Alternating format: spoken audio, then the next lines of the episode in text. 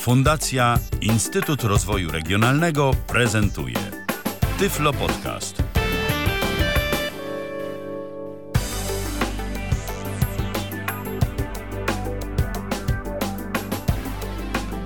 Dobry wieczór.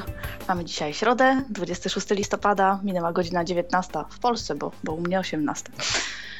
I rozpoczynamy Tyflo Podcast, który to dzisiaj poprowadzę ja, Magdalena Rutkowska, realizuje Michał Dziwisz, a naszym dzisiejszym gościem jest pan doktor, inżynier Marcin Morański.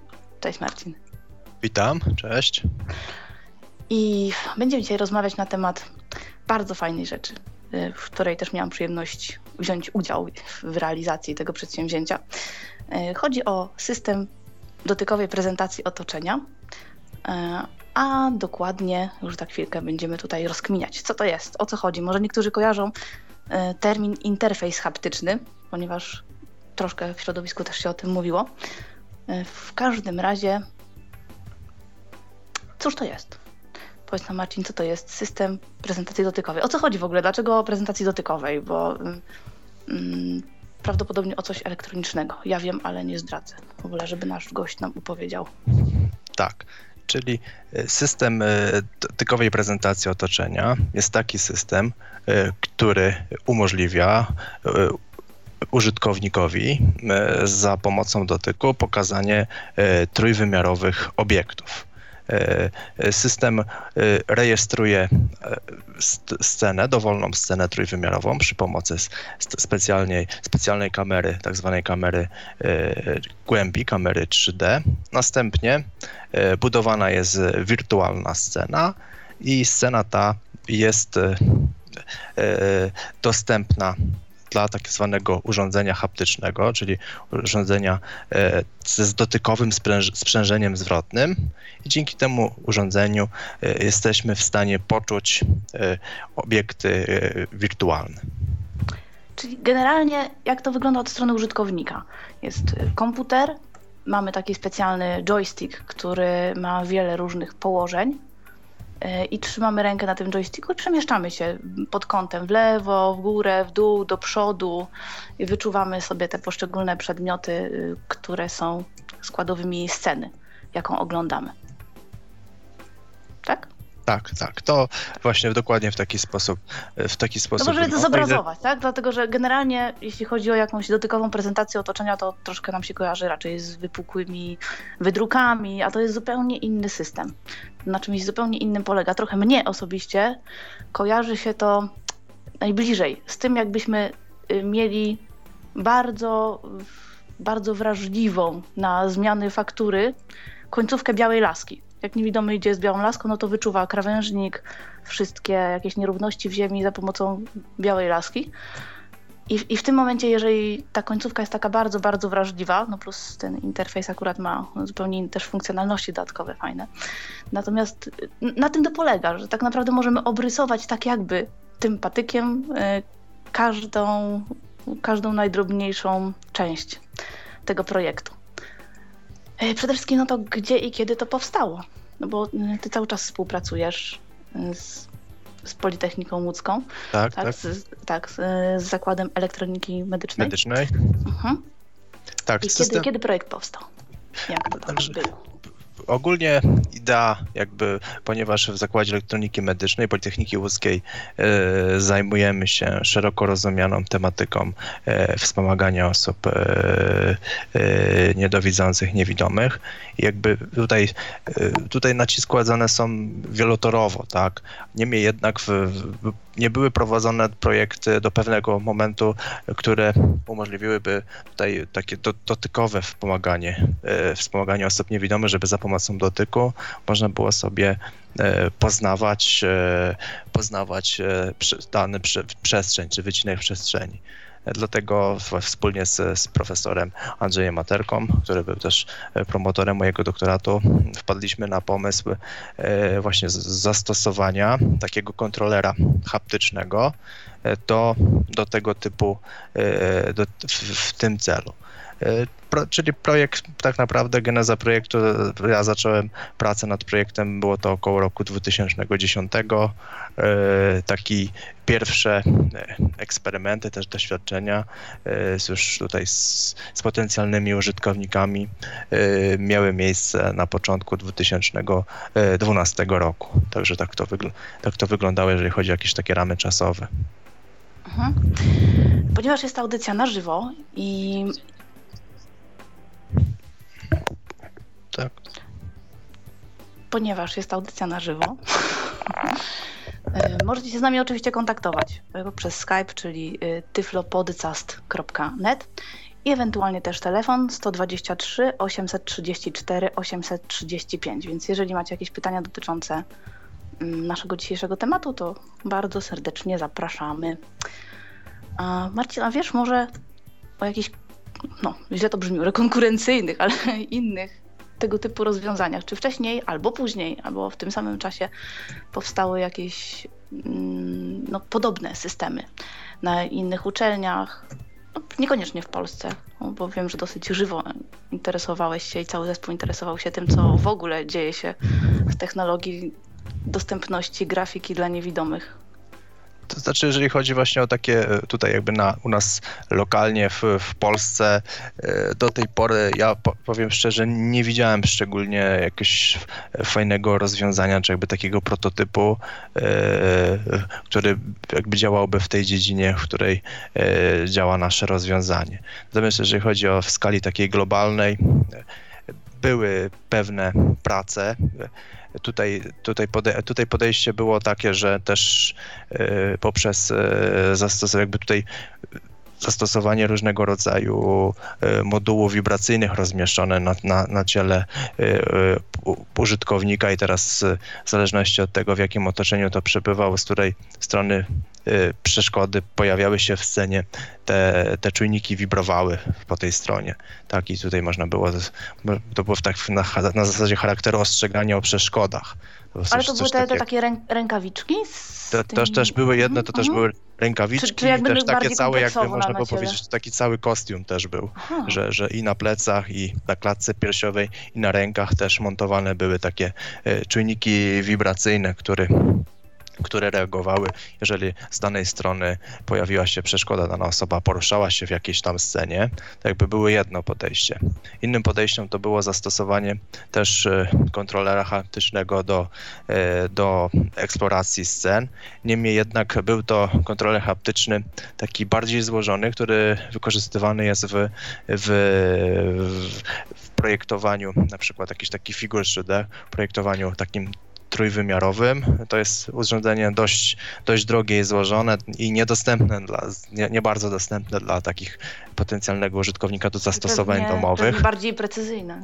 Troszkę też bardziej precyzyjne, niemniej jednak ze względu na cenę, no mało, mało tutaj też realne, żeby każdy takim urządzeniem mieć w domu, no bo koszt, koszt tego jest dość duży, ale nie było takiego rozwiązania jak w naszym systemie, że, te, że było jeszcze uzupełnienie o kamerę głębi, która w, y, ma możliwość w czasie rzeczywistym rejestracji sceny, następnie jej translacji y, do rzeczywistości wirtualnej i udostępnienie do prezentacji dotykowej takiego systemu. Tutaj e, system opracowany przez nas e, ma taką możliwość. Ja takiego, e, ja takiego tego typu zastosowania nie widziałem, także no, bo jakby tematem oczywiście się cały czas interesuję i, i to jest jakby temat bardzo rozwojowy, też powstają producenci telefonów też bardzo pracują teraz nad umożliwieniem jakby odczuwania tekstur i różnego rodzaju faktur na, na, na przykład na telefonach, tabletach. Wiem, że są też takie rozwiązania. Dwie firmy e, rozwiązania prototypowe oferują, ale, ale chyba z tego co wiem, do tej pory jeszcze nie ma takich rozwiązań komercyjnych, żeby można było kupić jakiś taki telefon, który umożliwiałby, e, który w 100% implementowałby tą metodę. Tak to wygląda w, w, taki, tak, w takim zarysie. Mhm. Ale jak rozumiem, to jest tak naprawdę pomyślane jako system stacjonarny, czyli użytkownik siedzi sobie na spokojnie przy jakimś biurku, ma do czynienia z tym joystickiem, że nie da się w jakikolwiek sposób z tego zrobić technologii mobilnej, no bo mm, trudno byłoby na przykład poruszając się, jednocześnie orientować się w terenie. Raczej to jest do zapoznawania się chociażby tak, w takiej konfiguracji. Z, map, z mapą z mapą, z jakimś planem, z makietą, bo tak naprawdę tam można bardzo fajne rzeczy budować.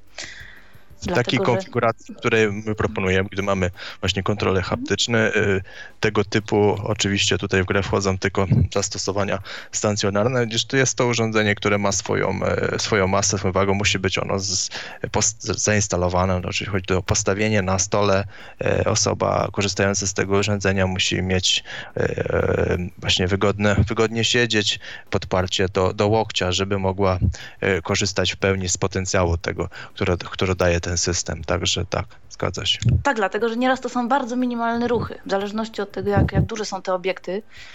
Osobie widzącej na monitorze może się wydawać, że to jest nawet całkiem duży obiekt, a w momencie, kiedy przesuwamy dosłownie minimalnie ręką, to, to robimy nagle duże skoki.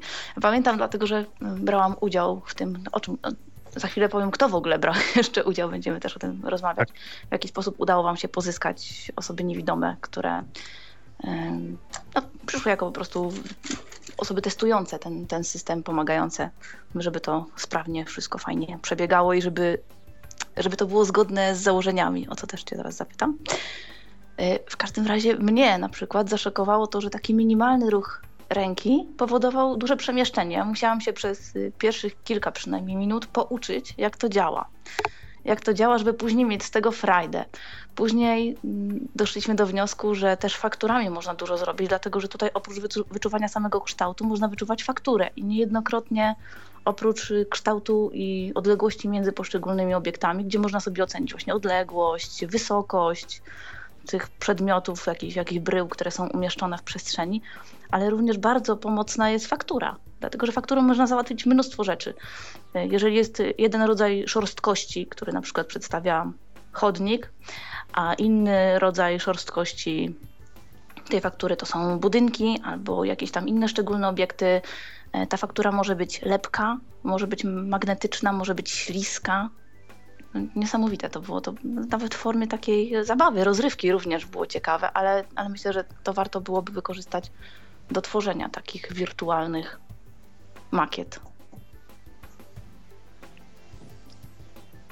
Tak, tak, to jedno z, jedno z zastosowań to właśnie dokładnie jak ty mówisz, czyli na przykład tworzenie e, wirtualnych makiet, czy też e, trójwymiarowych e, map, chociażby budynków użyteczności publicznej. I teraz załóżmy sobie, że, że, że, że osoba zainteresowana posiada urządzenie i dostęp do internetu, jest w stanie sobie ściągnąć taką wirtualną mapę urządzenia, jest w stanie sobie zapoznać się z topologią danego budynku, czy pomieszczenia, jakiegoś urzędu, e, którego oczywiście nie zna, idzie się tam pierwszy raz i e, wtedy, gdy już tam e, podąży osobiście, będzie miała chociaż jakby zarys takie rozkładu tego, tego pomieszczenia, gdzieś może gdzie są drzwi, gdzie się znajdują, gdzie się znajdują jakieś klatki schodowe, czy, czy takie punkty.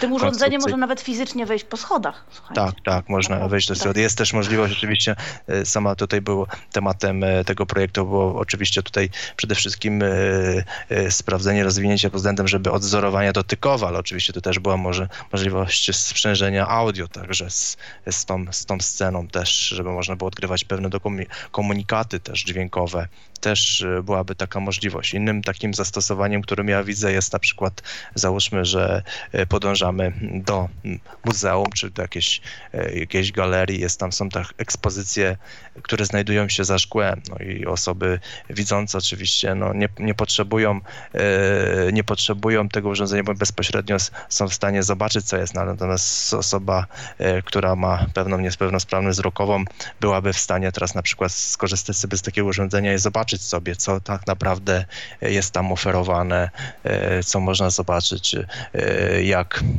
można wejść w tym w interakcję właśnie dotykową, zobaczyć faktury, chociażby jaka dachówka gdzieś tam jest położona, jakieś, jakieś, e, jakieś ekspozycje muzealne, no różnego typu. Jeszcze innym zastosowaniem tutaj potencjalnym jest nauka kształtów w szkołach, tak, no bo tutaj załóżmy, że nie wszystkie kształty kształty, obiekty, figury mogłyby być dostępne w danej szkole, tak, dla osób, które z pewnymi dysfunkcjami wzrokowymi, no i teraz takie urządzenie umożliwiłoby, że no, potrzebne by były jedynie makiety wirtualne, można byłoby je w sposób szybki aktualizować. Także tutaj zastosowań jest tak naprawdę wiele, można sobie wymyślić, ja oczywiście wszystkich nie znam, no to też pewnie, pewnie ktoś inny mógłby sobie przełożyć to na własne sytuacje, to kiedy, w jakich sytuacjach by to potrzebował w życiu, mógłby coś też innego zaproponować. Myślę, że, że ktoś, kto ma na przykład też problemy z motoryką, mógłby się uczyć za pomocą tego urządzenia w taki fajny sposób y, troszeczkę bardziej precyzyjnych ruchów, ćwiczyć sobie to. Tak, tak. Te, też, też jest. jest, Myślę, jest do, dodatkowa rzecz, jeżeli na przykład są osoby z jakimiś dodatkowymi sprzężeniami. Natomiast właśnie, jak się rozpoczęła y, współpraca z osobami niewidomymi przy tym projekcie? Skąd pozyskaliście? Ilu E, było w ogóle konsultantów? Czy to były osoby słabowidzące, całkowicie Tak, kons konsultantów było dokładnie 10 osób, było konsultantów. Był tutaj z Polskiego Związku Niewidomych, z oddziału łódzkiego, był pierwotnie tutaj pobrana liczba osób, które mogłyby być potencjalnie zainteresowane. Także no, ja kontaktowałem się z osobami, które w większości brały także y, udział w doświadczeniach z innym, w innych systemach, które były rozwijane na Politechnice Łódzkiej. No i tutaj osoby, były to osoby w większości całkowicie niewidome, ale też y, osoby niedowidzące, też bodajże były dwie albo trzy takie osoby.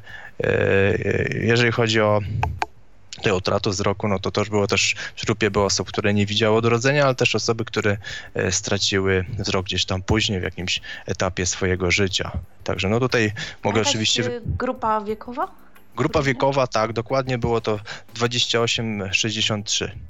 Także jeżeli chodzi o lata, O. czyli dosyć, dosyć e, było to rozłożone, tak, no być może brakło trochę osób na przykład nastoletnich, tak, takich trochę, troszkę młodszych, tak, czy, czy też dzieci, tak, no tutaj faktycznie nie było, ale jeżeli chodzi to od 28 do 63 lat, tak, że tutaj nazwiska, no to na, oczywiście był, był tutaj e, Magda, także dziękuję tutaj od razu, uczestniczyła bardzo w, w, rozwoju, także w, te, w eksperymentach podsunęła nam wiele tutaj pomysłów, jak, w jaki sposób można dalej pójść e, z tematem, no to jeszcze będziemy może mieli okazję o tym powiedzieć za chwilę. E, Był pan Adam Tynio- Tyniorek, pan Karol Olelniczak, pan Tomasz Amsolik, pan Michał Michalak, pan Michał Popę, pan Przemysław Rogalski, Rafał. e, Rafał Rogalski, e, Rafał Pupę. Rafał Popę, o, przepraszam. Mam tutaj pa, pani Aleksandra Bochusz, pani Jadwiga Bobowiak i pan Sławomir Wielebiński. Tutaj mam listę przed sobą osób. Także chciałem wszystkim jeszcze raz serdecznie podziękować no, za duży, za wiele godzin poświęconych w, w pomoc e, w, w badaniach. W służbie nauki. Za, w służbie. Mamy Sugestie. pierwszy telefon. Mamy pierwszy Tak, tak. telefon w naszej dzisiejszej audycji. Dodzwonił się do nas Damian. Halo Damianie? Czy nas słyszysz? No chyba Damian nas niestety nie słyszy. No, ale miejmy nadzieję, że się z nami za jakiś czas połączy i że będziemy mogli yy, wysłuchać yy, tego pytania, jakie Damian ma. A jeżeli nie, to, mm, to niech napisze, jeżeli będzie miał problem Dokładnie. z odzwonieniem się. E, W każdym razie, słuchajcie, a ja trafiłam na Politechnikę kilka lat wcześniej, bo to był mój trzeci projekt, w którym brałam udział. I, i, i to jest ciekawostka przyrodnicza, ponieważ y, właśnie nie z PZN-u, nie, nie nawet, to nawet nie była y, środowiskowa poczta pantoflowa, tylko rehabilitowałam pieska jednej z pracownic y, Politechniki Łódzkiej. Ona doniosła mi, że taki projekt wtedy to chodziło jeszcze o ym, o coś, co było realizowane wcześniej, bodajże w 2004 roku rozpoczęły się prace y, nad tym, żeby akurat, akurat tutaj, jeśli chodzi o te dźwiękowe ym, prezentacje otoczenia, czyli docelowo powstały okulary z kamerami i, i słuchawki, które przekazywały dźwięki ym, no, takie obrazujące otoczenie, przeszkody, do których Takie się trójwymiarowe, tak? Bardzo, tak, tak, bardzo, bardzo to fajnie zresztą było. Bardzo przyjemnie mi się chodziło, robiąc slalom między różnymi przeszkodami, pudłami, których normalnie nawet nie można było za bardzo wyczuć, bo były takie leciutkie. A, a faktycznie odwracając się, nabierałam odruchów, które, które straciłam już dawno, dawno temu, że musiałam faktycznie fizycznie się od, odwrócić y, żeby kamery spojrzały na, na, na ten obiekt i wtedy dźwięk mi się zmieniał, miałam informację o odległości i wiedziałam w jaki sposób się odwrócić, żeby to ominąć tak, w sposób bezpieczny. Także akurat ten system, o którym my dzisiaj mówimy, to już był kolejny mój projekt, już tak się wciągnęłam bardzo mocno, dlatego pewnie, pewnie moje zaangażowanie. Jako stały konsultant już tutaj. Etatowy prawie już. Chociaż my akurat jako wolontariusze to robiliśmy. Tak. Stąd, pewnie, stąd pewnie była grupa 10, a nie 100 osób. Bo jak przy większości takich projektów, no nie zawsze, jeżeli znajdują się już pieniądze na, na sfinansowanie takiego projektu, no to jest to grant, ale dla Politechniki natomiast brakuje dla, dla uczestników, w związku z tym oni nie chcą przystąpić. A warto przystąpić, dlatego że inaczej w przyszłości nie będziemy mieć tych nowych rozwiązań. No nie za wszystko od razu trzeba wziąć kasę. Nieraz warto trochę poczekać i dzięki temu mamy naprawdę fajne rzeczy. A, a można w to włożyć trochę swojego czasu i energii, naprawdę. Ja myślę, że, ja myślę, że warto. I w związku z tym, ponieważ ta, ta grupa uczestników, jakie w ogóle były założenia takie pierwotne, a, a jak to się miało do rzeczywistości podczas realizacji? Czy na przykład to w jaki sposób to, co wy na początku wymyśliliście, mhm. tak? Bo to, to był twój pomysł? To był pomysł e, mój, ale też du duży wkład miał profesor e, Andrzej Materka. Materka. Także, mhm. że tutaj wytyczenie pewnych dróg rozwojowych, tak. No właśnie, i jak te pierwotne założenia miały się do, do późniejszych doświadczeń? O ile to się zmieniło? Czy faktycznie wszystko się sprawdziło, to co na samym początku tylko na przykład był rozwój? Czy na przykład były takie pomysły, które okazały się kompletnie nie, nieskuteczne, nietrafione, bo to, co było istotne dla osoby widzącej, nagle okazało się całkowicie nieistotne dla, dla osoby niewidomej. Podaję, to ten znaczy... przykład, podaję ten przykład dlatego, że ja pamiętam, mm, jak akurat niektórzy niewidomi krytykowali ten inny system za informację o kolorze, że, że ma być jakaś informacja o kolorze przekazywana za pomocą dźwięku, a to przecież zupełnie niepotrzebne. I tutaj był wyraźny podział na osoby, y, które straciły wzrok, ale kiedyś widziały i dla których ewentualnie ta informacja o kolorze była istotna, a dla na osoby niewidome całkowicie od urodzenia, dla których ta informacja była absolutnie całkowicie nieistotna. Hmm? Stąd też jestem ciekawa, czy tutaj były podobne albo inne. To znaczy tak, pierwotne jakby takie założenie to było e, na ile przedstawienie sceny tak, przy pomocy tego urządzenia, które de facto grubą docelową nie są osoby niewidome. No, to jest urządzenie komercyjne, które ma tego nie powiedzieliśmy, ma zastosowanie przede wszystkim w grach komputerowych, tak? Konkretne wykorzystywane w tym projekcie. W Polsce, aczkolwiek niepopularne, ale, ale w, popularne w innych częściach świata. To tutaj mówię, pierwotne założenie było takie, żeby sprawdzić na ile da się w sposób wiarygodny przedstawić scenę, ile informacji o tej scenie może zostać przez osobę, która całkowicie nie, nie, nie widzi, wyciągnięte o tej scenie. To było e, założenie mhm. pra, pierwotne, tak? Potem oczywiście z, z czasem to ewoluowało, no bo mm, mieliśmy tutaj z, e, na, bezpośrednio na bieżąco różne opinie spływały, co by można było doskonalić, do czego można było to wykorzystać, w jaki sposób, y, co można by było oczywiście też jeszcze zmienić i potem to ewoluowało. Okazało się, że, że pewne rzeczy da się bardzo wiarygodnie za pomocą tego e, urządzenia o danej scenie e, wyciągnąć tak, z tej sceny, co są faktycznie wiarygodne, rzeczy, rzeczywiste z tym.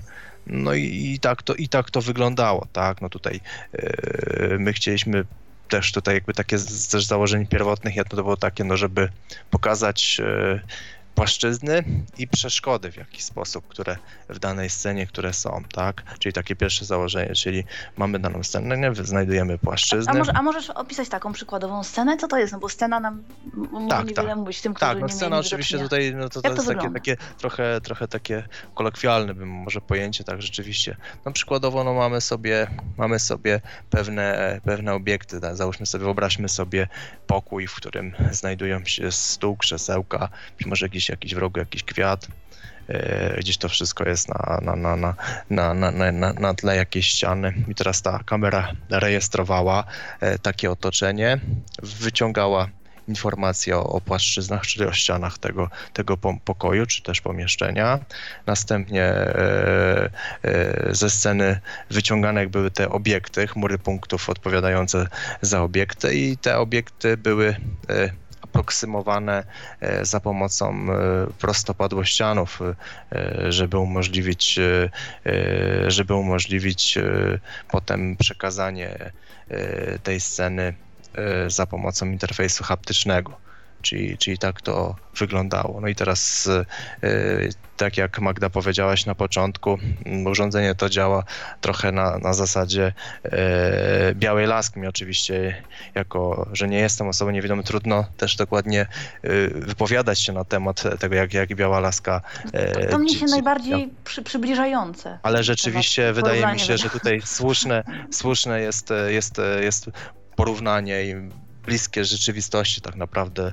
I tutaj teraz mamy, mamy sobie taką główkę tego urządzenia, za którą chwytamy sobie ręką, czyli tak jakbyśmy chwytali białą laską, poruszamy się do, do góry, y, na dół, lewo, w prawo, do przodu i do tyłu. I teraz jeżeli napotykamy na dany obiekt, no to to urządzenie y, stawia opór, nie jesteśmy w stanie poruszyć się dalej.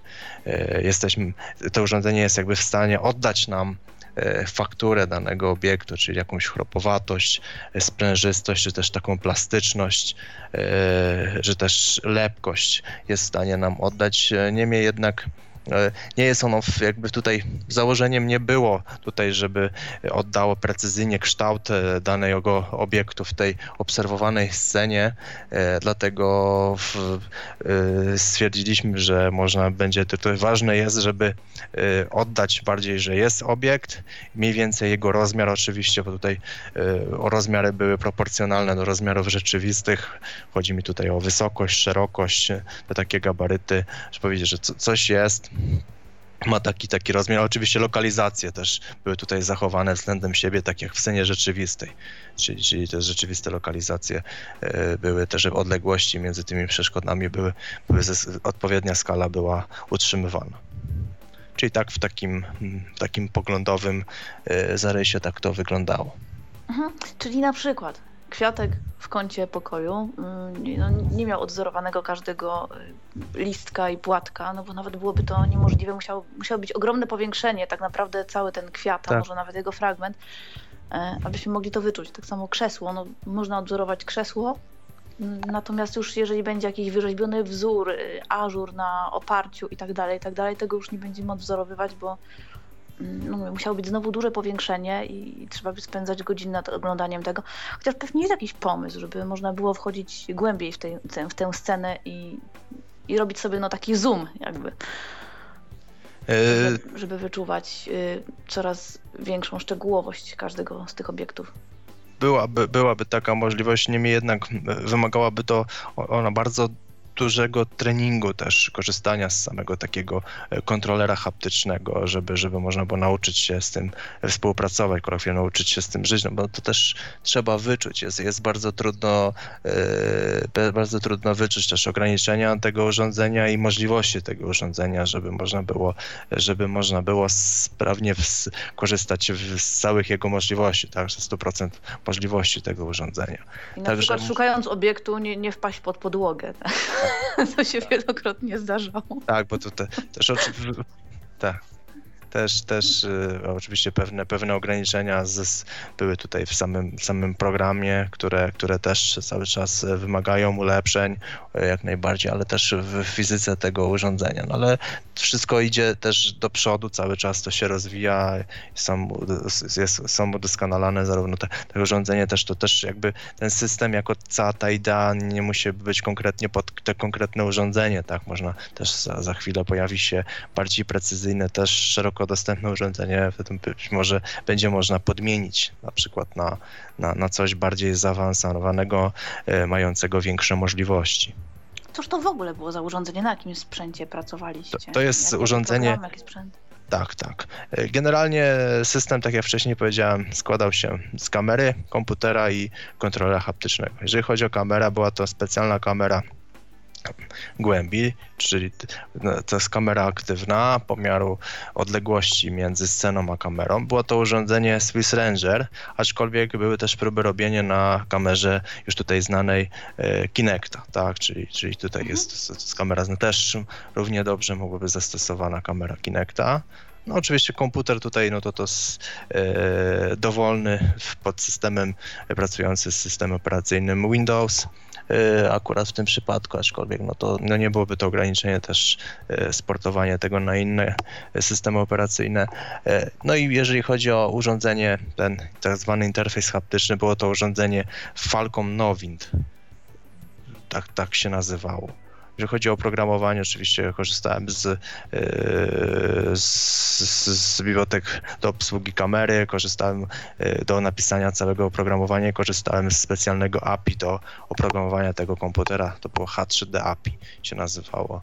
E, no i oczywiście cały, cały program, który, który segmentował scenę, który łączył te wszystkie elementy razem, był mojego autorstwa.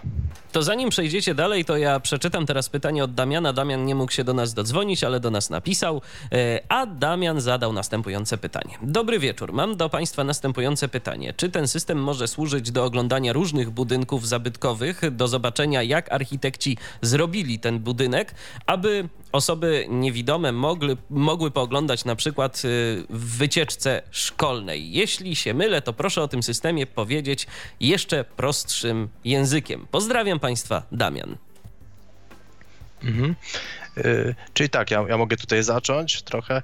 Y, czyli jeżeli chodzi o tutaj zastosowanie do oglądania architektury różnych budynków, tutaj chodzi o, o pewnie różnego typu architektury, też o, o zabytkowe budynki, y, byłaby możliwość e, oglądania pewnych detali, przykładowo tutaj na przykład e, jak, jaki mamy, jaką mamy elewację budynku, jak, jak, jaki ma charakter ta faktura, e, jaką na przykład mamy położoną dachówkę. Niemniej jednak, niemniej jednak też na ten moment system nie jest w stanie w, w, w 100% w takiej, bym powiedział, zadowalającej oddać pewnych detali dan, danego budynku, tak? No ale to, no, to wszystko... W bazylice barokowej nie pobawimy się za mocno, zbyt wiele detali. Tak, także tutaj trzeba mieć świadomość, że, że tutaj były przyjęte pewne uproszczenia, aczkolwiek no to też nie, nie ograniczamy się tym, co jest w tym momencie, no to wszystko postęp idzie do przodu i e, za chwilę pojawią się takie możliwości, żeby naprawdę e, dużo detali w cudzysłowie pokazać dotykowo. A poza tym mm, bardzo fajną jest faktycznie rzeczą wykorzystanie tych faktur. Wtedy, jeżeli nawet nie ma zbyt dużej różnicy w wysokości, szerokości bądź długości obiektu, ale jest wyraźna różnica w fakturze, no to dla nas jest to o wiele bardziej czytelne, czytelne i o wiele łatwiej się jest w stanie taka osoba niewidoma poruszać.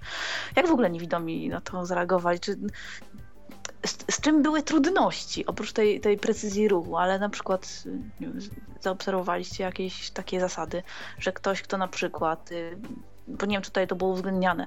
Ktoś, kto ma orientację przestrzenną ogólnie lepszą, porusza się samodzielnie na przykład, e, jest, jak to brzydko mówią, dobrze zrehabilitowany, że ma mniej problemów niż osoba, która z tego nie korzysta. E, jeśli też taki podział mamy na osoby słabowidzące, czy, czy niewidome od urodzenia, bądź ociemniałe w późniejszym wieku, czy były tu jakieś różnice w tym odbiorze, czy to takie typowo już personalne, jakieś predyspozycje? To znaczy, ja powiem szczerze, że zauważyłem, tak, e, tutaj różnicę, czy zauważyłem, że osoby, które od, albo od początku, e, od urodzenia, albo od wczesnego życia straciły wzrok, czy miały tutaj kłopoty ze wzrokiem e, lepiej były w stanie mm, wykorzystywać to urządzenie, potrzebowały mniej nauki, jakby takich podstawowych zasad, jak z nim korzystać. Miałem taki przypadek, że właśnie osoba, która już, e, już, już była w, w pewnym wieku, w średnim wieku, niemniej jednak straciła wzrok tam kilkanaście lat temu, no i ona tutaj duży problem miała, żeby, żeby, żeby po prostu nauczyć się takich podstawowych zasad, jak, jak z systemu korzystać. Także były tutaj pewne ograniczenia. Też e, jeżeli chodzi o takie zdolności Y, być może takiej, takiego dotykowej y, postrzegania pewnych detali, no to dało się zauważyć, że osoby miały, miały te zdolności większe, im łatwiej przychodziła praca z, no z tym urządzeniem. Szybciej był, wyobrażenia Tak. sobie jednak mimo wszystko, no bo to nie dotykasz ręką bezpośrednio, palcami nie budujesz sobie obrazu na Mi to, podstawie tego, co... to oczywiście jest Mhm. ciężko mówić, no bo ja też nie, nie oczekiwałem, że osoba, która spędziła ze mną załóżmy 2-3 godziny tutaj e, byłaby w stanie e, jakiś e, być zaawansowanym użytkownikiem tak, tego systemu. Tego nie oczekiwałem. Zdawałem sobie sprawę, że tak naprawdę, żeby wyciągać dużo, no potrzebne by były tutaj wielogodzinne sesje, systematyczny trening, żeby się przyzwyczaić, tak jak wszyscy musimy się przyzwyczajać do, do, do nowych urządzeń, do nowych sytuacji, także tutaj też, żeby się odnaleźć w tej rzeczywistości wirtualnej, także no też mi powiem szczerze, troszkę też ciężko jest e, tutaj mówić o, oceniać też, bo być może był za krótki czas, żeby można było jednoznacznie powiedzieć, bo teraz jeżeli ktoś na początku może nie potrafił za bardzo z tego korzystać, niemniej jednak jakbym pewnie spędził, spędzilibyśmy razem e, kilka dni, kilka takich sesji, być może sytuacja by się diametralnie odwróciła, albo, tak. Albo miałby Tak. taki interfejs w domu po prostu. Tak, albo Bo miałby tak do, taki- doce- docelowo można tak to chyba wykorzystać, że każdy Tak, ma tak. taki y, joystick w domu i, i te pliki mogą być na bieżąco zmieniane, jeżeli cokolwiek jest nie tak jak teraz. Ciągle remonty, remonty, remonty w Łodzi i coś się Tak. zmienia. Na Tutaj bieżąco można te zmiany nanosić i, i w tym momencie ma to przewagę nad drukowaniem map i planów wypukłych. Bo zmiana Tak. jest na bieżąco. Codziennie Tak, można tak, właśnie taka, taka idea, że na przykład mamy jakieś e, ulice są reprezentowane na przykład przez, przez te, te ulice, które aktualnie są przejezdne, tak, no bo faktycznie w Łodzi są teraz duże remonty i, i jest z tym problem, mogłyby być właśnie pre, e, prezentowane na bieżąco, aktualizowane, aktualizowane też, też, też mapy i dostępne online. Mhm. Gdyby to połączyć jeszcze faktycznie z informacją audio, jeszcze z GPS-em, że wpisujemy sobie, szukamy, tak? załóżmy, wyszukujemy sobie daną instytucję, ulicę, jakieś konkretne miejsce, Wtedy przenosimy się w to miejsce, tak, i jesteśmy w stanie automatycznie też się przenosimy, tak, i i nie dość, że mamy informacje audio o tym obiekcie, czyli, no tutaj są różne, tak, można jakieś opisy wprowadzić dodatkowe, dźwięki, które rozróżniają mm, rodzaj obiektów, które, które, no, które mijamy, co tam dookoła siebie mamy, czy jakieś duże ulice, czy jezioro, czy, czy lasy, czy jakiś ciąg budynków. Można to jako uzupełniającą informację wprowadzić. No i przede wszystkim mm, właśnie możemy sobie cho- chodzić palcem po mapie, patykiem Czy też po mapie. po prostu informacja głosowa w formie opisu głosowego też, jeżeli też czasami y, tutaj byłaby wystarczająca, bez jakiegoś tam szczególnego udźwiękowienia w jakiś taki sposób nie, nie, nie, nie, niewerbalny, tak?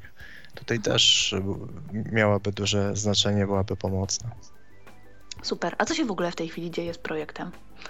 To znaczy tak, e, jeżeli chodzi o teraz w tym momencie e, szu- szu- szukamy możliwości jakby e, da- dalszego ro- rozwoju, tak, finansowania, żeby można było pewne prace udoskonalające podjąć nad projektem, żeby można było zakupić sprzęt i na, na przykład kilka, kilku wolontariuszy w domu sobie zainstalować taki, taki, sprzęt, taki sprzęt i żeby mogło na co dzień korzystać z tego, z, z tego systemu, tak. No ja e, jestem też na etapie różnym, w tym momencie też tro- trochę też miałem na etapie różnych takich spraw niezwiązanych z tym, także to trochę się spowolniło, niemniej jednak cały czas e, e, szukam możliwości, będę też szukał projektów takich na przykład jakiś, żeby można było, że tak powiem, uzyskać, tak, bo tutaj też chodzi o, teraz już chodziłoby o jakieś takie wdrożenie, sprawdzenie tego systemu w, w, na tak zwanym polu tak, tutaj już, że ktoś korzysta sobie z tego na co dzień, nie tylko przychodzi gdzieś do laboratorium i, i, i korzysta w takim hermetycznym środowisku, ale korzysta na co dzień, żeby można było e, znaleźć e, wszystkie ograniczenia i je poprawić, tak, żeby dalej pójść, albo chociażby rozwinąć, czy przeadaptować może do, do trochę e, innych zastosowań, tak, które w, w danym momencie są akt, byłyby aktualne. A poza tym wtedy nie ma stresu, bo, bo niektórzy mogli się na przykład stresować tym, że były poszczególne testy, zadania i trzeba było rozpoznać. Mm, Tak, na, tak, na, tak. Na przykład policzyć obiekty, podać y, wysokość, odległość, jakieś dodatkowe opisy. Y, Myślę, że, że to niektórych mogło ewentualnie stresować, a w takich warunkach domowych mogliby na spokojnie sobie wszystko pooglądać, przemyśleć, przeanalizować. Tak, oczywiście, tutaj stres y, był y, pewnie w niektórych przypadkach każdy człowiek gdzieś tam się w życiu stresuje w sytuacjach nowych, także tutaj też pewnie. Y, kiedy wie, że na niego liczą. Kiedy wie, że, że na niego liczą. Także i tutaj też pewnie jest, jest, był tutaj stres jakimś czynnikiem, który, który blokował jakby też wykorzystanie pełne, pełne potencjały tego, tego urządzenia. Słuchajcie, ponieważ nikt nie dzwoni, to może jeszcze raz y, podamy namiary.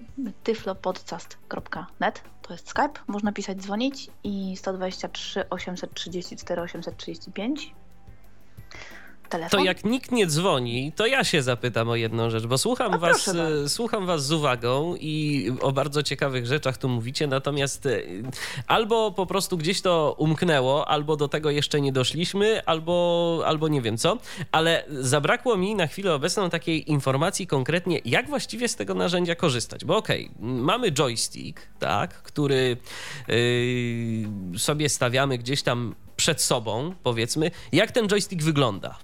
To jest taki tradycyjny joystick, czy to jest e, jakieś takie urządzenie z, z jakimś takim nietypowym kontrolerem? Mógłbyś, Marcinie, coś więcej na ten temat powiedzieć? Oczywiście. No to to jest taki trochę nietypowy joystick. No nie jest to coś takiego, że mamy jakąś, jakąś taką rączkę, która gdzieś jest na jakiejś powierzchni, czy, czy coś, rodzaj jakieś te kierownice też są popularne w komputerowych. To jest coś takiego, e, takie dosyć ciężkie, potężne urządzenie. To waży bodajże na około 5-6 kg. Można sobie wyobrazić trochę kształt, takiego owalny kształt na, na, takich, na takich dużych, na takiej dużej półokrągłej nóżce w formie podkowy. Z tego urządzenia wychodzi ruchome ramię, ramię to jest, jest oczywiście ruchome za pomocą takich dodatkowych ramion, jest przymocowane jeszcze do tej, do tej całej podstawy, do tego korpusu. No i teraz e, e, my chwytamy za, za taką kulkę, która, która, która jest na zakończeniu tego, ta kulka jest zamontowana na zakończeniu tego ram, ramię, tego, tego elementu ruch, mhm. ruchoma, tak, tego ramienia. No i teraz rękę wspieramy sobie, łokieć wspieramy sobie gdzieś na stole, czyli na jakiejś takiej podstawie. No i jesteśmy jesteśmy i teraz możemy poruszać, tak, tą, tą kulką, y, tym zakończeniem. No i my jesteśmy w stanie sobie poruszać tym y, w trzech wymiarach, tak, czyli do przodu, do, też do tyłu, w, lewo, w, prawo, w górę, w dół i w lewo, mhm. prawo. Oczywiście zakres, jakby tak opisać, to jest myślę, że w każdym kierunku to jest tak około 25 centymetrów, czyli to nie, nie jest tak dużo. No i teraz jeżeli napotykamy jakieś przeszkody, no to to urządzenie nam się y, zatrzymuje. Oprócz tego daje nam jeszcze sprzężenie zwrotne, czyli działa w przeciwnym kierunku do kierunku ruchu, tak? Czyli tutaj możemy sobie symulować, symulować różne, różne na przykład e, sprężystości, czy też faktury, tak? Czyli tak na przykład nam też tak trochę skacze y, to ramię y, i tak to, tak to wygląda. No właśnie, to może o tych y, wrażeniach to ty Magda jako użytkowniczka tego Myślę, systemu, jako, było, jako tak? testerka to właśnie coś jakbyś mogła więcej opowiedzieć, bo może no, ciężko jest, jakby wrażenia zmysłowe, ciężko wrażenia zmysłowe ubrać w słowa, ale może spróbuj, bo, bo mnie to zastanawia. Okej, okay, przesuwamy sobie tą kulką w różne strony i dajmy na to, natrafiamy na jakąś, na jakiś obiekt, na jakąś, dajmy na to, przeszkodę. I co tak. w tym momencie? Co może się z tą y, kulką jakby stać to znaczy, na to tym znaczy ramieniu? Tak, stąd było moje porównanie, że to tak jakbyś dotykał czegoś patykiem. Dlatego, że to, że rączka jest w kształcie kulki i trzymasz y, na niej dłoń, a? ale. Mm, to jest po to, żeby tego, stabilnie, że, że, że, żeby stabilnie tak, trzymać żeby to urządzenie. Tak? chwytać. Tak? Aha. Po prostu, zwyczajnie. Okej. Okay. Natomiast y, odczuwasz coś tak, jakbyś to dotykał patykiem, bo ta, ten drugi wirtualny koniec nie jest nie jest taki kulisty, nie jest taki y, szeroki. Masz wrażenie, że to jest coś węższego, czym obrysowujesz, więc tak właśnie dokładnie jakbyś dotykał patykiem jakiegoś obiektu e, i, i, w tym momencie obrysowywał go sobie. Mhm. I oprócz kształtu, wielkości tego obiektu, możesz również wyczuć fakturę. No, jeżeli na przykład, nie wiem, no natrafisz białą laską na, na jakieś błoto, no to czujesz, że ono jest takie... Takie lepkie, e, takie, takie, lepkie. takie, tak, coś. Ten, mhm. Tak, i ten sam efekt tutaj można uzyskać. Takiej gumowatości, mm, lepkości, bardzo, bardzo dużej szorstkości, taki naprawdę, no jakbyś jechał po, po jakimś takim mocnym betonie. Aha. Śliskości, że aż dosłownie się ta końcóweczka ślizga po, po, po, obie, po obiekcie. mm, no również właśnie takiego przyciągania, że dosłownie przyciąga końcówkę tego, tego patyczka mm, do, do obiektu, jeżeli się do niego zbliżasz. Bardzo to jest ciekawe, bardzo fajne, taka zabawa. Między innymi tam też była, żeby można było sobie y, pobujać wirtualną piłeczką. Właśnie do, dokładnie, można było nawet takie już okrągłe ruchy nadgarstkiem wykonywać i w pewnym momencie ten joystick zaczynał twoją ręką ruszać do tego stopnia. Super. Rewelacja. Czyli bo... dajmy na to, jeżeli mamy powiedzmy jakąś taką scenę, która y, się pojawia, którą sobie zaczytujemy. W ogóle jak to jest z tymi, jak to jest z tymi scenami?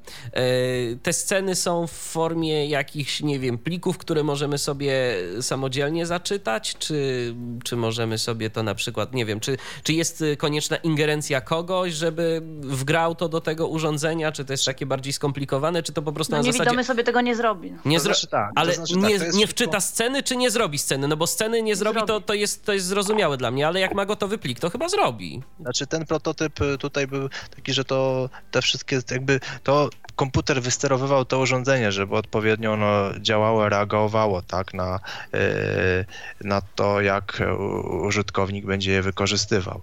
Byłaby możliwość, że po prostu mamy sobie scenę w formie jakiegoś tam określonego form pliku, w określonym formacie i sobie zaczytujemy tak, scenę. Tylko oczywiście no, musiałby tu też być określony format tego pliku, który byłby rozpoznawany przez, przez program sterujący, który jest zainstalowany na komputerze, tak, który nadzoruje, e, nadzoruje pracę tego urządzenia i bezpośrednio, no bo to to urządzenie jest połączone z komputerem poprzez, e, poprzez interfejs USB i tutaj te sygnały sterujące, tak naprawdę to program nie jest odpalony na urządzeniu, a na komputerze a, mhm. i, i, a czy, i, i komunikuje się przy pomocy, przy pomocy API, tak, przy pomocy bibliotek komunikuje się bezpośrednio po USB z, z urządzeniem.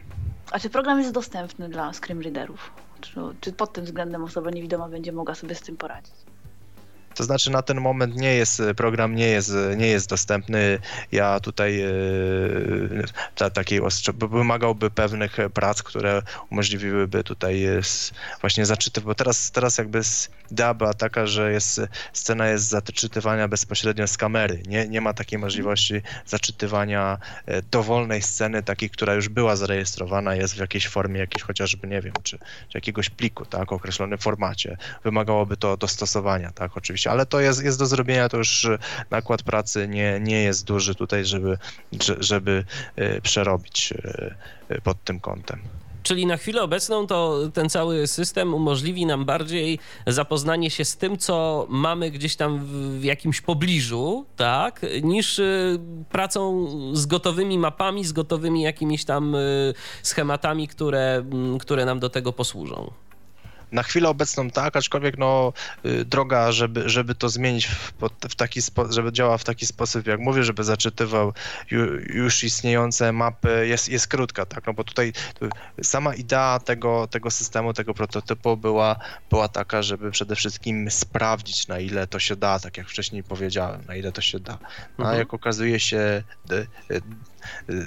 zastosowanie takie dla osób niewidomych jest możliwe i tutaj y, daje duże możliwości, no to tutaj teraz można by łowić w takim właśnie kierunku, o którym mówimy, że, że, że zaczytujemy sobie własne sceny do takich y, zastosowań stacjonarnych w domu i sobie, y, żeby, żeby każdy, no oczywiście chodziło o to, żeby każdy był w stanie, żeby nie tylko można było za, zaczytywać sobie jakieś określone sceny, tylko żeby każdy miał możliwość zaczytania sobie, sobie własnych scen, tak? No ale oczywiście, no, no tutaj trzeba, trzeba by było pewien format przyjąć pliku, tak? Ktoś by musiał tą, albo osoba musiała, y, dana osoba zainteresowana musiałaby się nauczyć w jaki sposób przygotować sobie taką scenę do, do zaczytania z, zgodnie z wytycznymi, tak? Z, z interfejsem tego programu. Program miał pewny, pewien interfejs także. Rozumiem. Czyli teraz y, założenie jest na przykład takie, taka, y, powiedzcie mi, czy ja to dobrze rozumiem. Dajmy na to mamy jakąś scenę, na której mamy, e, w której to scenie mamy ulicę,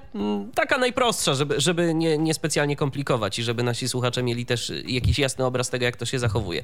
Mamy ulicę, po lewej, po prawej stronie jakieś tam powiedzmy budynki. No, naj, najprostsza sceneria, jaka może być. I teraz, jak rozumiem, powiedzmy, na środku, kiedy sobie przesuwamy tę kulkę w linii prostej od siebie do gdzieś tam dalej, to nie stawia ona oporu.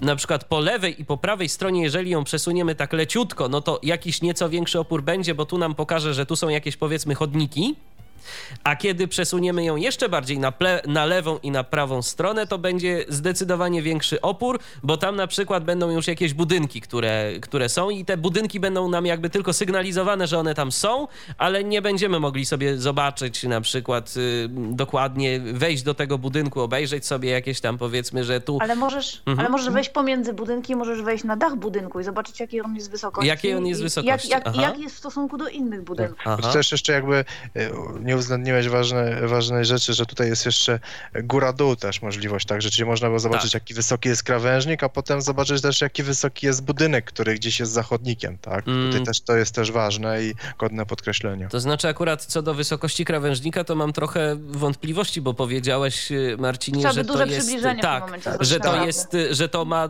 ile? 20 centymetrów mniej więcej pola manewru tak, we wszystkie tak. strony.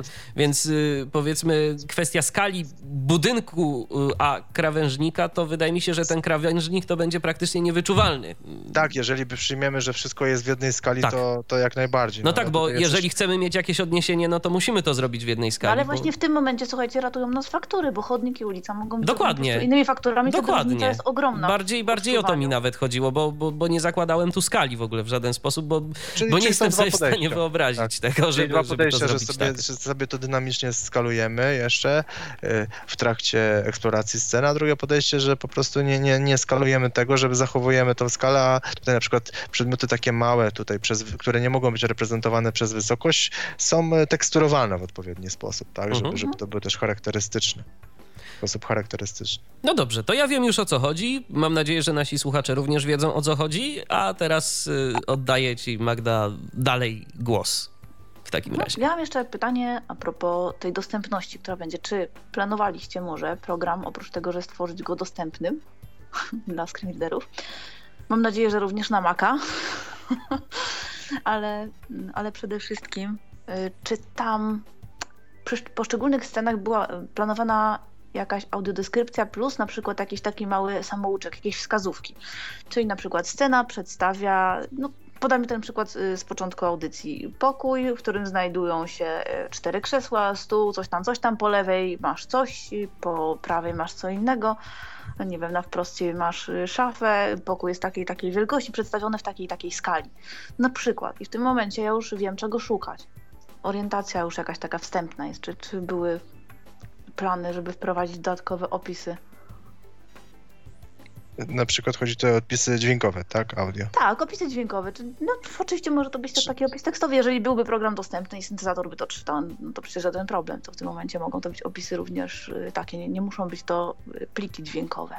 Czy tutaj y, sam, sam interfejs dostępny tego urządzenia umożliwia też y, udźwiękowienie scen, tak? Czyli, czyli umożliwia też, y, gdzie napotkamy na jakiś konkretny obiekt, czy znajdziemy, wjedziemy na konkretne współrzędne scenie, o, zostaje odgrywany jakiś komunikat głosowy, tak? Umożliwia. Niemniej jednak, jak ja powiedziałem, w, założenie podstawowe było takie, żeby to robić całkowicie bez dźwięku, czyli w formie mhm. dotykowej, sprawdzić, sprawdzić na ile to jest wiarygodne i na ile ile to jest skuteczne. E, e, samo, samo założenie, idea taka, taka była, która przesłanki za tym, żeby ten system rozwijać. Niemniej jednak już, jeżeli tutaj już mówimy o takich zastosowań, o takich zastosowaniach e, powszechnych, ja myślę, że no niezbędne było też dodanie opisu dźwiękowego, też takiej opcji umożliwienia opisu dźwiękowego elementów sceny. A propos zastosowań powszechnych, to mamy kolejne pytanie od Damiana. Y, Damian pyta, czy ten system można by było wykorzystać, żeby jakoś się orientować na przykład w rezerwatach przyrody i parkach narodowych. Za przykład y, Damian podaje tu na przykład y, Puszczę Białowieską. Czy, czy, czy ten system w tym momencie na przykład wyposażony w jakąś tam kamerę mógłby być przydatny do orientacji w takich miejscach? Ale orientacja, czy na przykład poznawanie poszczególnych roślin bądź zwierząt, no bo tutaj już byłoby zdecydowanie trudniej, zbyt wiele szczegółów. Nie, nie rozpoznamy, czy to jest dom y, szypułkowy czy bezszypułkowy. Wydaje mi się, że wydaje mi się, że chodzi bardziej o, bardziej o orientację, aczkolwiek to się troszeczkę moim zdaniem jedno z drugim kłóci, bo jak sami powiedzieliście, ten system to nie jest małe y, urządzenie, więc... Nie, nie, no to nie jest przenośne. Tak, Znaczy, to, to ja bym jest, to nie jest powiedzieliśmy tak. przenośne. Na początku, że to do, w tym momencie do zastosowań takich mobilnych w takiej formie, jak jest typowo mobilny, że to sobie nosimy, y, jest, nie, nie jest możliwe do zastosowania. Tutaj mówię od razu, bo może trochę też jakby ten przekaz się za, y, gdzieś tam zawieruszył że tak powiem. Niemniej jednak, no to y, tutaj tak jak widzieliśmy, że mamy sobie gdzieś tam jakąś makietę chociażby Puszczy Białowieskiej, no i tutaj też y, ta makieta jest dostępna, no i dana osoba zainteresowana sobie w danej, dany fragment tej puszczy eksploruje, następnie tam idzie i próbuje sobie już tak naturalnie poznać dane, nie wiem, o, rośliny, tak, które tam się znajdują. Drugie podejście to jest takie, no, że mamy sobie, mamy sobie gdzieś, gdzieś w jakichś miejscach w tej puszczy, załóżmy, że jest sobie zainstalowane, są takie urządzenie i można sobie gdzieś tam jakieś, jakieś yy, ale to też, no mówię, no tutaj na tle faktury jakieś takie, takie rzeczy, czyli wielkości li, liść, liści, yy, wielkości gałęzi roślin, no na ten moment nie byłoby możliwe yy, poznanie tego. O to jeszcze jedno Ale- pytanie mi się pojawiło. Y, To jeszcze jedno pytanie mi się pojawiło. Skoro na chwilę obecną ten system działa w oparciu o kamerę, y, co y, w przypadku, czy to w ogóle testowaliście mm, i czy to się w ogóle do tego nadaje, kiedy przed kamerą umieścimy jakiś rysunek? Nie będzie to bryła, nie będzie to jakaś sceneria, a po prostu jakiś zwykły rysunek, jakaś, jakaś właśnie plansza z czymś. Y, Czy za pomocą wtedy tego joysticka, tej kulki, będziemy w stanie sobie ten rysunek y, w jakiś sposób obejrzeć, czy, czy, czy to jest y, za mało wymiarów, żeby można było Niestety nie, bo jeżeli to korzystać? będzie płaski, to jest Mhm. kamera tak, z trzeciego wymiaru, to nie, nie, ona nie zauważy nam tylko płaszczyznę. Rozumiem, Niestety. rozumiem. A mi przyszło do głowy, dlatego że mieliśmy też swojego czasu audycję o ogrodach sensorycznych i jeden z takich ogrodów ma opis poszczególnych roślin w swoim zbiorze na, na tej właśnie ścieżce dla osób niewidomych. No Jest sporo tego. I w tym momencie można by to połączyć. Czyli zwiedzamy sobie w sposób wirtualny taki ogród, gdzie y, chodzimy poszczególnymi alejkami i możemy czytać te opisy. Mówię, że to zamiast wycieczki do, ale, ale na przykład przed po to, żeby wstępnie zapoznać się z tym, co mniej więcej gdzie jest, gdzie będziemy musieli skręcać, jak te ścieżki przebiegają, żeby już na miejscu mieć lepszą orientację w otoczeniu. Tak, myślę, że nawet dobrze by było, żeby jakby nie zastępować tym systemem taką e, naturalną interakcję e, człowieka z, otoczeniem w takim przypadku, gdy jakby tutaj inter, e, mamy spotykać się z naturą, tak, oczywiście, no to tutaj też tak, ale, ale być Tak, może... ale moglibyśmy się czuć pewniej. Osoba niewidoma, która Tak, tak, ale zna, oczywiście zna tak, i jak, wie, jak, po czym się będzie jak mówisz, jak mówisz tutaj, że przed wyjściem, to tak jak już, już powiedzieliśmy, yy, jak najbardziej byłoby wskazane, że żeby, jeżeli jest taka możliwość, to żeby z tej możliwości skorzystać. Natomiast już, już jakby po wyjściu mam, mam, mamy już wiedzę, jakąś taką orientacyjną zarys, buduje nam się pewna mapa jakiegoś, czy też jakiegoś obszaru wewnątrz budynku, czy też na zewnątrz w naszej, w naszej wyobraźni i łatwiej jest nam e, poruszać się.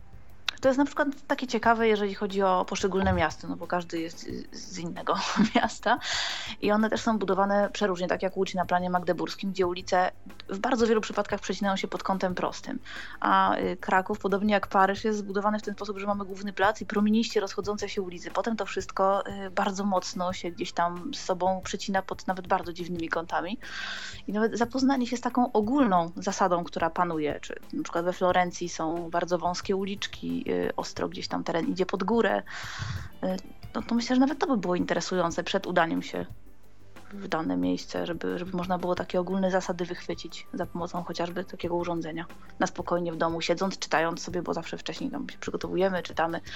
Czy nawet jakby w własnym mieście, jeżeli poznajemy jakąś nową trasę, mamy dokądś trafić, to dobrze, żeby oprócz tego, że mamy namiar GPS, można było rozejrzeć się po okolicy właśnie za pomocą takiego interfejsu dotykowego, y, gdzie tu jest bardzo dla nas istotne. Aha, czy mamy jakieś punkty orientacyjne w postaci na przykład ciągu budynków, gdzie w danym momencie robi się przestrzeń.